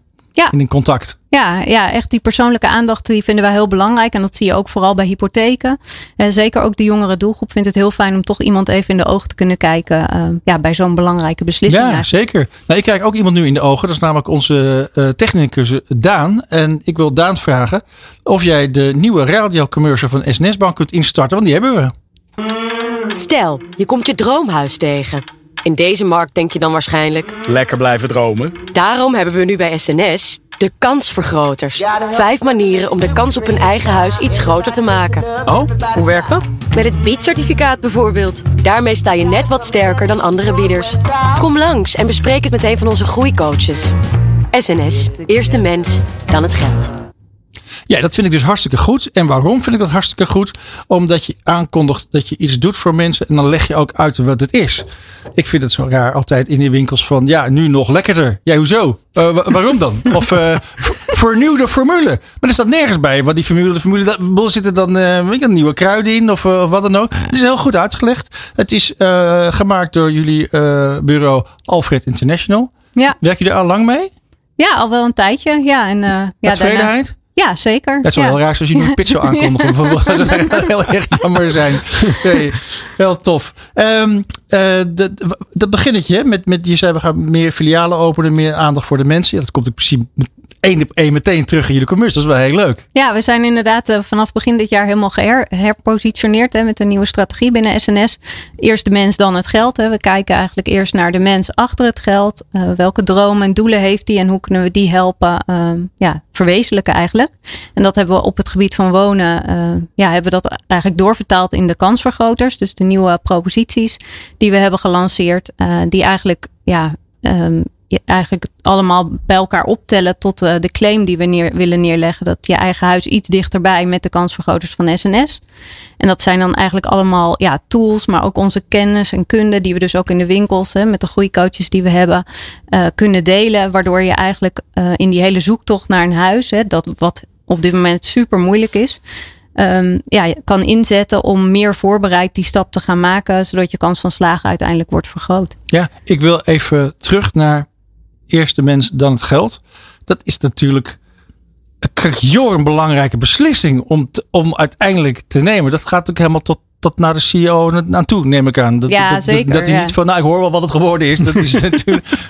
En begint het. Ik, ik, kan je me in, ons een inzicht geven in dat proces? Hoe je, hoe je dan daartoe komt? Op een gegeven moment zegt iemand, nou, er moet iets nieuws komen. Ja. Of, of, hoe, hoe werkt het dan? Wat kun je ik daarvan daar, zeggen? ben daar wel zijdelings bij betrokken geweest. Hè, want ik zit echt op het gebied van wonen. Dit is natuurlijk veel breder dan alleen wonen. Hè. Dit gaat over meerdere domeinen heen. Um, maar ja, dat is een hele lange weg geweest. Um, ja, met inderdaad van joh, we hebben een nieuwe doelgroep. En ja, hoe gaan we die aan ons binden en wat is daarbij belangrijk? Um, ja, dus dat is inderdaad een heel lang traject geweest. En niet iedereen herkende zich van die nieuwe doelgroep wellicht in. Nee, jullie hadden daarvoor de typische Nederlander, Ja. Bart. Maar ja, dat was ook wel een soort typische Nederlander. En Nederland is wel echt breder dan dat. Ja, wij werken inderdaad met die mentality milieus van uh, Motivaction. En we zaten eerst echt op die moderne burger. Ja. Hè, de ja, normale Nederlander. Je ziet alleen dat die doelgroep wordt, die wordt steeds kleiner. En um, ja, wij wilden eigenlijk uh, natuurlijk wel gaan groeien. Dus we zijn nu bezig om ook de opwaarts mobiele doelgroep uh, goed aan ons te binden. Dus Bart zien we gewoon niet meer terug, toch? In de, Nee, in de nee, commercials. nee. Is echt een hele. Ja, je ziet het ook. Ik denk overal is het doorgevoerd de nieuwe huisstijl en dat uh, zie je overal terug. En ook op het gebied van wonen. Dus echt uh, de vijf kansvergroters zijn echt. ja, drie proposities zijn helemaal nieuw. Twee hadden we al en die hebben we eigenlijk gebundeld. Uh, waarbij we eigenlijk ook ja, andersom zijn gaan werken. Je ziet heel vaak als een bedrijf een campagne lanceert, gaat het over één propositie. Uh, maar ja, wij hadden eigenlijk die tijd niet. We moesten eigenlijk heel snel ons nieuwe merk uh, bij die jongere doelgroep ook tussen de oren krijgen. Mm. Dus we hebben het eigenlijk omgedraaid. We zijn eigenlijk begonnen om de, ja, de overall claim, dus je eigen huis iets dichterbij met de kansvergroters van SNS, om die te gaan laden en eigenlijk als bewijsvoering die vijf proposities op te voeren. Dus dat is ook echt een hele nieuwe manier van werken geweest. ja, waar we ook in de toekomst nog allerlei nieuwe kansvergroters ook aan kunnen, kunnen toevoegen. Ja. En de markten denk ik natuurlijk nu zeker de afgelopen maanden ook wel echt veranderd. Dat uh, ja, je moet het nu ook hebben van mensen die misschien eh, hun eerste hypotheek afsluiten. Want oversluiten wordt natuurlijk steeds lastiger met die stijgende, stijgende rentes. Dus de, nog belangrijker om die, ja, noem het even startende doelgroep aan je te binden. Ja, zeker. En ook om daar de drempel te verlagen om eens binnen te lopen bij een bank. Om te kijken wat de mogelijkheden zijn. Ja, ondanks dat ze digital savvy zijn, vinden ze het toch fijn om even persoonlijk contact ja. te hebben. Ja, dat blijkt echt uit alle klantonderzoeken die we ook hebben gedaan. En uh, om ook de drempel te verlagen, gaan we ook allerlei woonevents organiseren. Dus die kunnen lokaal in de winkels uh, georganiseerd worden. Uh, maar ook in Maastricht, onze flagship store, hebben we twee grote bijeenkomsten. En we doen ook nog iets samen met CNV Jongeren in Utrecht. Dus ja, vooral ja, veel traffic genereren en die persoonlijke aandacht geven aan, uh, aan de doelgroep. Dat is, uh, ja, ik ben zelf van huis uit een geograaf. En dat elke uitzending roep ik dat wel een keer. Vind ik altijd leuk. Ben ik heel geïnteresseerd. ja, want Maastricht, dat is natuurlijk helemaal niet, niet Utrecht. Helemaal niet, niet centraal.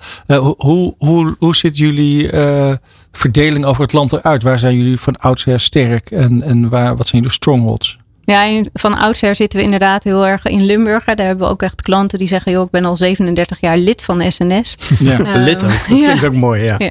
ja. Nee, maar we hebben daar een mooie ruimte. Um, ja, waar we eigenlijk gewoon ja, heel veel events gewoon goed kunnen organiseren. En die zijn ja, hybride. Dus uh, en aan de ene kant kunnen mensen uit Maastricht daar gewoon aanschuiven. En aan de andere kant uh, is het gewoon online te volgen. En dat is inderdaad voor, ook voor de doelgroep prima. Ja, dat is wel heel grappig. Want jullie zijn een van de weinige partijen waarbij ik wel eens reclamecommercials heb gehoord uh, in, het, uh, in het Limburgs of in het uh, Brabants voor de Asenasbank. Ja, dat is lang geleden. Ja, ja klopt. grappig ja, hè. Maar ja. het is echt heel erg blijven hangen. Er zijn er hele, op allerlei manieren op. Was dat succesvol voor jullie? Werkte? Dat is een hele bewuste keuze natuurlijk om dat een keer te ja, doen. Ik, dat is echt wel voor mijn tijd. Toen zat ik nog niet bij SNS. Maar ik weet wel dat het toen ook een soort van die authenticiteit, weet je wel. Dat dat in, sowieso in commercials meer naar voren kwam. volgens mij was dat in die periode hoorde je dat meer. Ja, is het met de, in, in de, de, het huidige tijdsgevricht, hè, want het, het, het, lijkt wel of de ontwikkelingen zich steeds sneller opvolgen. De stikstofcrisis, de, de oorlog in Oekraïne, het corona gehad. En nu de inflatie. En dan uh, natuurlijk overigens gunstig voor huiskopers. Inflatie heb ik altijd gehoord, geleerd. Maar dat nu ook weer de rente omhoog spuit. Dan moet je, moet je, heeft het niet allemaal invloed op je propositie? En moet je er niet heel hard werken om, om overal uh, over na te denken? Ja, tuurlijk. Het is wel, ja, het is ook een risico. Hè. Die, zeker die energielasten, die tellen natuurlijk best wel mee in de, in de maandlasten. Maar straks ook de leennormen die daarop aangepast gaan worden. Dus ja, voor hypotheken zal het volgend jaar wel iets harder werken worden dan uh, dit jaar om alle doelen te halen. Um, dus ja, het is allemaal wel, ja, het heeft echt wel invloed op elkaar. En um, ja, weet je, daar, dat, daar, dat biedt ook altijd wel weer kansen voor inderdaad nieuwe proposities. Uh, met de kansvergroten zitten we natuurlijk heel erg op die schaarste hè, in die woningmarkt. En hoe moeilijk het eigenlijk is, zeker voor starters, om een eerste huis te kopen. Um, en ja, weet je, dat, dat blijft ook nog wel even. Weet je, er zijn nog steeds uh, heel veel te weinig huizen voor iedereen. Dus die schaarste die uh, creëren we nog steeds. Dus vandaar dat het nog steeds goed past. Ja. En ja. Je zit wel in een heel spannend vakgebied. Het is natuurlijk voor bijna iedereen geldt dat het huis allergrootste aankoop is die je in je hele Zeker. leven zal doen. En ja. bijna iedereen bij heeft er ook een hypotheek far. voor nodig. Ja, ja. ja nee, maar dat is heel bijzonder. Dus dat is voor jou als marketeer het woordje vertrouwen, om maar eens iets Ja. te noemen. Ja, dat staat er wel stijl bovenaan natuurlijk. Want je moet natuurlijk gewoon, ja, mensen moeten echt wel geloven dat ze bij jullie wel goed zitten. Ja, precies. Ja, het is gewoon een van de belangrijkste aankopen in je leven. Hè? Dus dat, uh, ja. En dat is ook het leuke om, om juist daarmee bezig te zijn, vind ik. Ik was nooit dat ik per se in de financiële dienstverlening wilde gaan werken of zo. Um, maar het wonendomein, ja, dat ligt best wel dicht bij mensen. En je ziet ook zeker ook die digital savvy uh, doelgroep. Ja, die heeft wel zoiets. Ik moet hiervoor wel even naar een adviseur. En die moet ik echt wel even in mijn ogen kijken. En ik wil ja, echt die sparringpartner hebben. Hè? Um, ze willen wel heel veel zelf doen, maar wel ja, goed voorbereid. Um, ja, nou, dus blijkbaar legt het wel jullie geen belangrijk. windeieren, want jullie zijn natuurlijk onderdeel van de Volksbank. Ja. En ik las dat inderdaad over de eerste helft van eh, dit jaar, 2022, het marktaandeel van de hele Volksbank op hypotheken met een derde gestegen is. Dus eh, ja, daar hebben jullie vast met SNS daarbinnen ook een belangrijke rol in. Ja, ja, dat doen we met alle vier de merken. Maar uh, ja, Ja, zeker. dus het is allemaal jouw verdiensten. Daar komt het wel op uh, neer. Die credits moeten we er gewoon geven, vind ik. Zeker. Ja, toch? Ja. Ja. Leuk. Hey, nu ik, ken ik um, Rogier als een hele bescheiden man. Maar hij is ook CEO van Zicht. En ik weet zeker dat hij aan jou wil vragen hoe jij kijkt naar de middelenmix. Want daar weet Rogier heel veel van.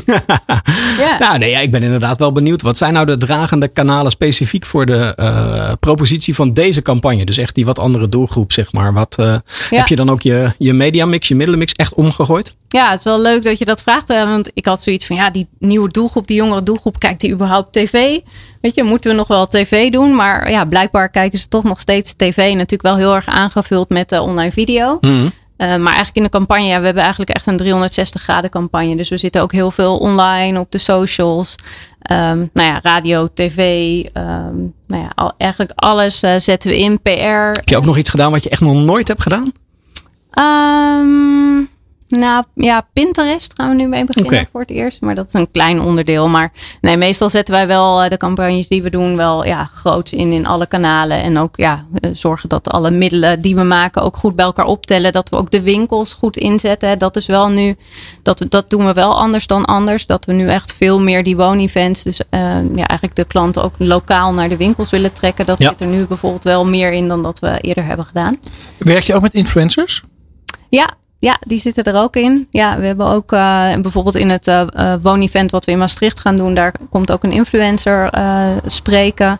Eh, maar ook we hebben ook een eh, Future Money Talks heet dat. En daar zitten allerlei onderdelen in. En onder andere ook een influencer. Dus dat, eh, dat is ook wel vrij nieuw. Hebben we al in de vorige campagne ook gedaan. Maar wel nieuw voor deze doelgroep. Ja. ja. Nu is, zijn banken onderhevig aan allerlei regels.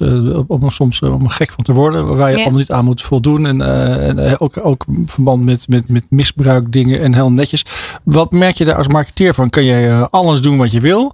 Of moet je juridisch, eh, zeg maar, ben je gehouden aan, aan bepaalde dingen die gewoon niet mogen? Ja, je hebt natuurlijk wel te maken met heel veel wet en regelgeving hè, in, eh, in bankenland. Weet je, want ja, weet je, de, het woningtekort kunnen we niet oplossen, maar we kunnen bijvoorbeeld ook niet gaan overkrediteren. Weet je, de leennormen, dat zijn gewoon dingen, ja, daar moeten we ons aan houden. Ja. Um, maar verder, ja, ik heb eigenlijk vanaf het begin af aan met de propositieontwikkeling heel nauw contact gehad met uh, juridische zaken en, de, en compliance. Om gewoon continu die afstemming te hebben, zodat ze ook meegaan in het verhaal en begrijpen waar je mee bezig bent. En dat heeft ons wel heel erg geholpen, waardoor we eigenlijk de proposities ja, nauwelijks hebben hoeven aanpassen en eigenlijk gewoon naar de markt hebben kunnen brengen. Ja, als je nou kijkt naar die nieuwe, die nieuwe doelgroep, hè, dat is ook een hele grote en belangrijke be beslissing. Wat is dan jouw, jouw eigen uh, rol daarin? Is dat adviserend? Of, of, of, of, of uh, ik neem aan dat je daar niet de lead in kunt nemen. Dat je voor de bank kunt zeggen, nou maar nu gaan we... Nee. Die opwaartsmobielen, die moeten we nu hebben. Dus, dus nee, dat, dat was dat... eigenlijk echt een opdracht die, die bij ons uh, is neergelegd. Hè. We deden daar al wel wat en daar bleken we gewoon veel groeipotentieel te hebben.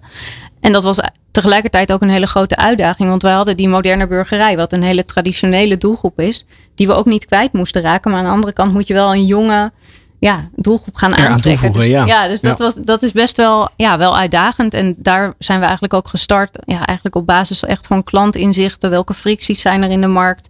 Om op die manier echt die proposities op te gaan bouwen. En heel veel ja, propositieonderzoek gedaan. Zowel kwalitatief als kwantitatief. Om echt te toetsen van, hey, zitten we goed met het inzicht? De belofte, de bewijzen. Telt het goed bij elkaar op? En ja, dat is eigenlijk uiteindelijk heel goed uitgepakt. Uh. Ja, leuk. Als marketeer heb je natuurlijk een, een, een heel leuk vak. Want je moet intern allerlei dingen regelen, mensen meekrijgen en je eigenlijk zelf verkopen aan, aan, aan de baas en, en, en dat soort dingen. Hmm. Maar, maar naar buiten uh, ben je ook afhankelijk van allerlei bureaus waar, waar je mee werkt. Een reclamebureau, een mediabureau, PR-bureau, een marktonderzoekbureau, ja. weet je dan, van alles uh, dingen.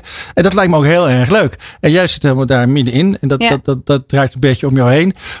Uh, als jij naar bureaus kijkt in het algemeen, hoe, ja, hoe weet je dat dat goed is voor jou?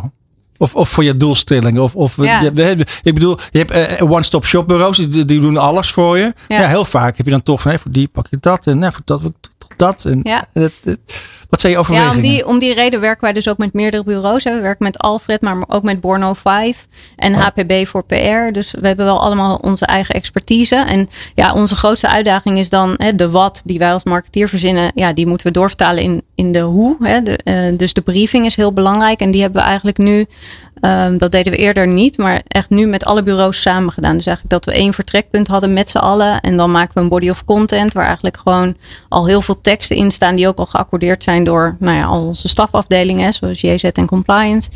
Eh, en ja, daar is het eigenlijk begonnen. En ja, je probeert dan gewoon het onderlinge contact, ook de bureaus met elkaar te laten praten, zodat uiteindelijk wel alle middelen goed bij elkaar optellen en we voor dezelfde doelstellingen werken en hetzelfde verhaal vertellen, zodat het ook eh, ja, uiteindelijk doet wat het moet gaan doen. Dan ben ik toch wel benieuwd. Wie is er dan uiteindelijk van alle partijen met eerst de mens dan het geld gekomen? Alfred ook. Toch Alfred, Ja. oké. Ah, nou, compliment voor Alfred. Want ik, ik, vind het, ik vind het heel goed. Het is simpel, je, Duidelijk. je snapt het. En, Ja, het is echt en onderscheidend. Echt, echt propositie. is het, de kleur, kleur, kleur bekennen. Ja. Ja, daarvoor was heel normaal volgens mij jullie pijl. Ja, die is dan toch wat algemener. Dus eh, Ja. Ja. Ja. goede zet van Alfred. Ja, schitterend. Hey, waar, eh, waar was jij hiervoor? Voordat je bij de, bij de bank was? Bij de Volksbank. Ja, toen werkte ik bij Delta Lloyd Groep. Dus ehm, ja, iets meer in een intermediaire ehm, ja, maatschappij. Dus veel meer ja, een beetje B2B eh, bezig. Niet zo B2C.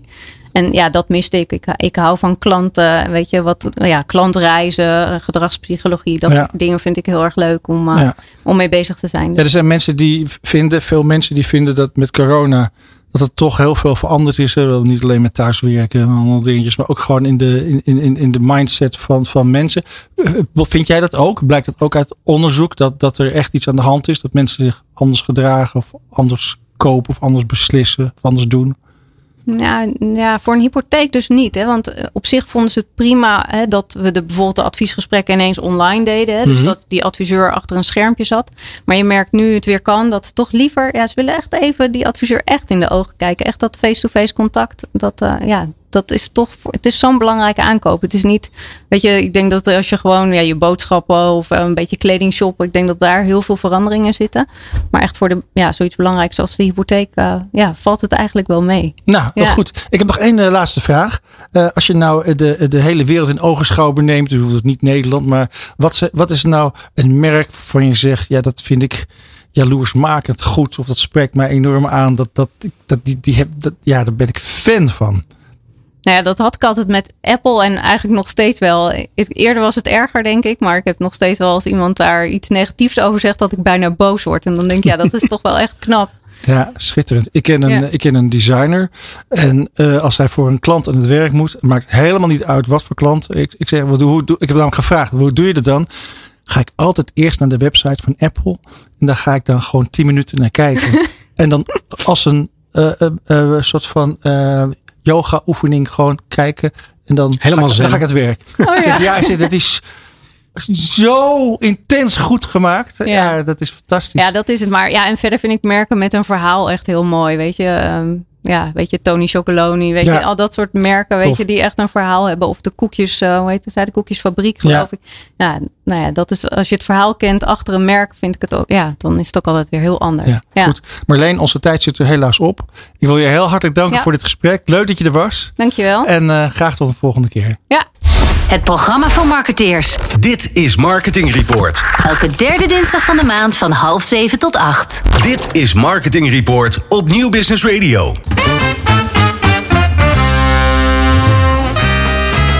Hoera, hoera, hoera. Het is gelukt. We hebben het gered. We hebben het gered. Schitterend. En wat ging dat snel. Ja, en nou ja, jij kan gewoon eh, permanent eh, als presentator door hoor, zou ik Ja, zeggen. Peter, fijne vakantie. Nee, hoor. hoor, nee, we missen je wel, Peter. Kom Onzin. snel terug. Onzin. Oh, schitterend. Hey, eh, we hadden vandaag een, een ontzettend leuke line-up. We begonnen met uh, Studocue. Yes. Studocue. Studocue.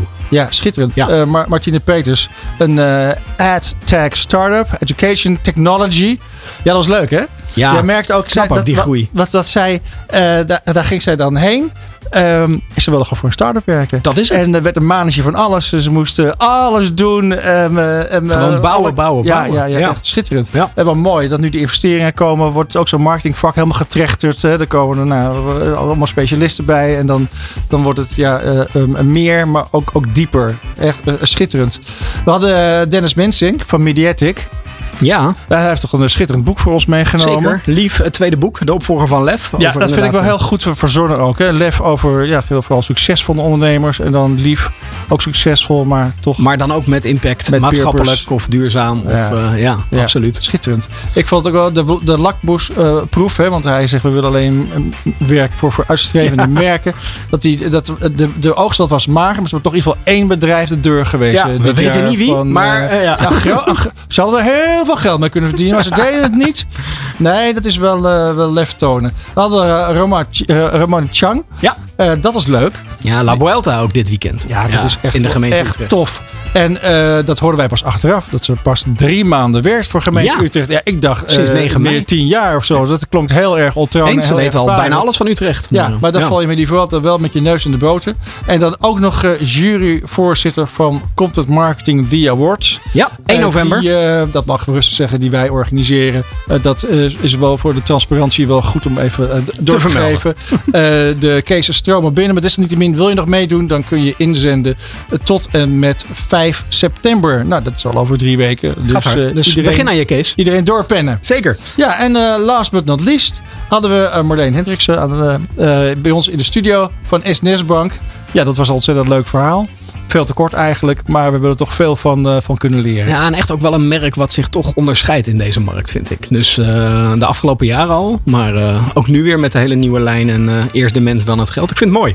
Ja, en lekker groeien, dat geeft altijd een beetje een fijne dynamiek. Hè, dat is toch uh, dan niet leuk als mensen zeggen, nou, vorig jaar weer een derde marktaandeel verloren. Dat, is, dat klinkt nee, toch niet lekker? nee, eens, Ja. absoluut, absoluut. Nee, schitterend. Nou ja, dat brengt ons bij het einde van de uitzending. Rogier, ik wil jou van hartelijk danken. Graag gedaan. eh, voor, eh, voor jouw komst en voor herhaling vatbaar. Heel erg leuk. Onze technicus Daan, alle knoppen stonden goed. Ontzettend bedankt. Ook aan dank aan onze gastheren van New Business Radio, aan Jacco en Lars. Eh, dank aan alle luisteraars. Dank voor het luisteren en graag tot de volgende keer. Tot zover Marketing Report op New Business Radio. Alle gesprekken zijn terug te luisteren via podcastkanalen als Spotify, Duke of Apple Podcasts. Komende maand zijn we er weer op de derde dinsdag van de maand. Tussen half zeven en acht uur. Tot dan. Marketing Report is mede mogelijk gemaakt door de combinatie van factoren.